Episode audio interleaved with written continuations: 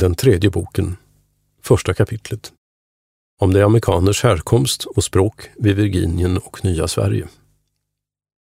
Så som han här till haver korteligen beskådat Virginien och därvid gränsande orter till själva landets beskaffenhet och hur det att av europeer är besökt och bebyggt vordet. Alltså följer och nu om dess infödda invånare, de amerikan eller indianer och allra först om deras härkomst och språk något att förmedla.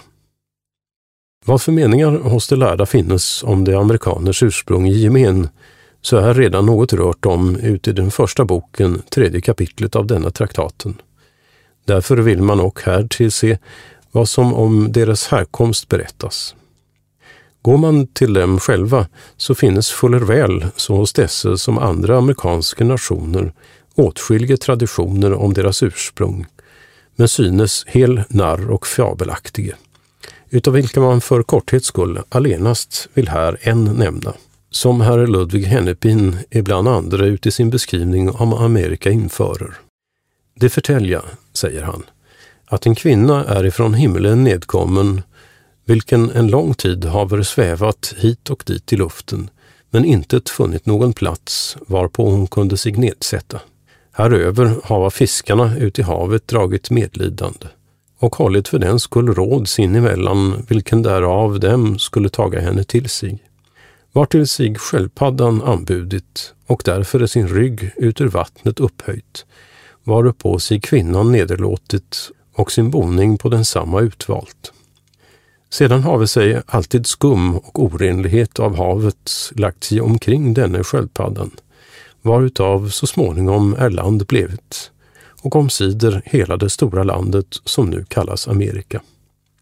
Men efter det föll henne kvinnan allt för långsamt vara alena, att hon hade ingen till att fördriva tiden med, och att hon äntligen för ledsamhet skulle insomnade, är en anda av himmelen nederkommen, vilken narkat sig oförmärkt till henne och med henne tvenne söner avlat, som sedan av dess liv utkom näro.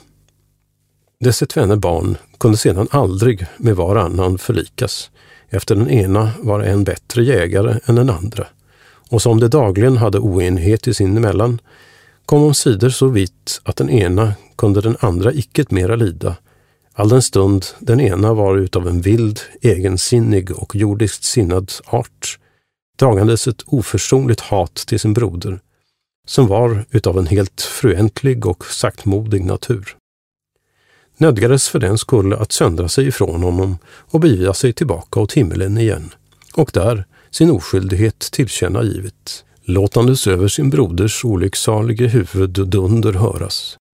En tid därefter är åter den samma andan till denne kvinnan nederkommen och med henne en dotter avlat, utav vilken detta myckna folket som nu denne stora delen av världen besitter härkommet är.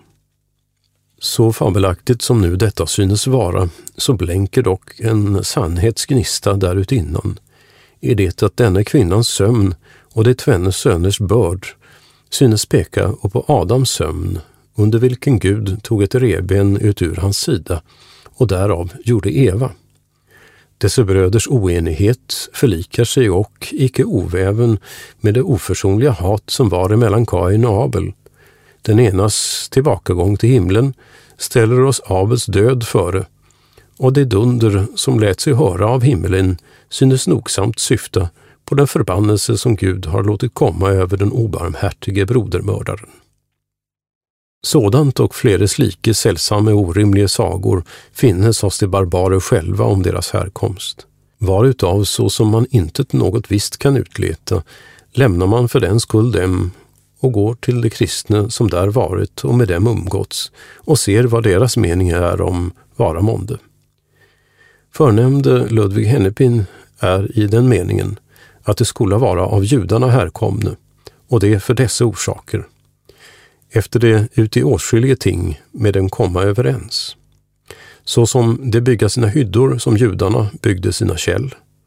De smörja sig med oljo. De giva noga akt på drömmar de begråta sina döda med mycken vägklagan. Kvinnfolken sörja och sina närmaste släkt ett helt år, på vilken tid de hålla sig och från dans och gästebud.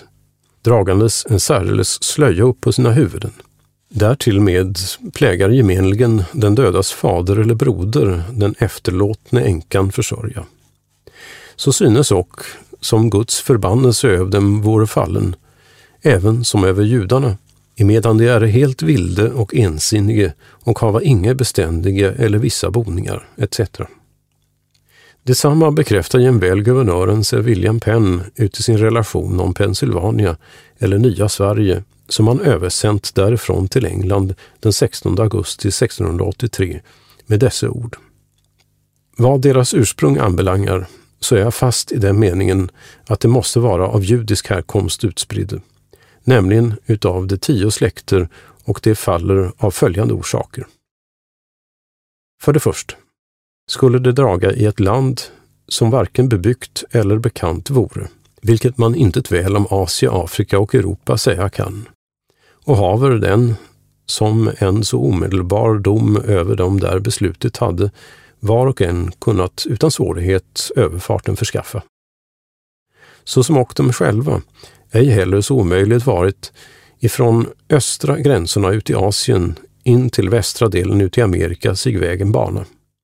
Därnäst så finner jag dem uti gestalt och miner vara dem mycket lika. I synnerhet när man anser deras barn så är det av en sådan levande likhet att man väl kunde tänka det man vore ute i London eller Dukes Place eller Berry Street. Ja, det som mera är, det komma och ut åtskilliga ting överens. Det räkna efter sina månader. Det offra sin förstling. Det fira en slags lövhydofest.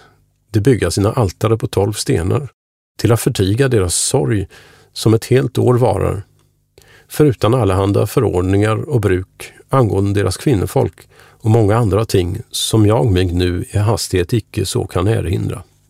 Därtill med kommer och dessa barbarers språk överens med judarnas, så att det jämväl synes stadsfästa att det måtte vara av judisk härkomst och avkomme, vilket såväl förbemälte Sir William Penn som särdeles magister Johannes Campanius ut i sin tid vid år 1646 observerat och antecknat haver. Förmälandes Sir William Penn om detsamma således. Deras språk är mycket högt, men dock kortfattat språk, även som det hebreiska, och mycket fullt och rikt ut i uttydningen och bemärkelsen. Inte ett annorledes än så som abbreviaturen ut i skrivandet vara plägar. Ty ett ord brukas under stunden för tre andra och måste det övriga utav dess förstånd som detsamma hörer uppfyllt varda. Eljest är det mycket ofullkomligt uti i sina tempus, har också stor mangel i modus, particip, adverb, konjunktioner och interjektioner. Ty haver jag mig angeläget vara låtit detta grundligen att förstå, på det att mig vid förefallande tillfälle en rätt uttolkade däruti ej fela måtte. Och kan jag väl säga att jag inte vet någon språk ute i Europa som i orden och talet större angenämhet och höghet haver än även detta, såväl uti själva utspråket som anbelangandes dess eftertryck.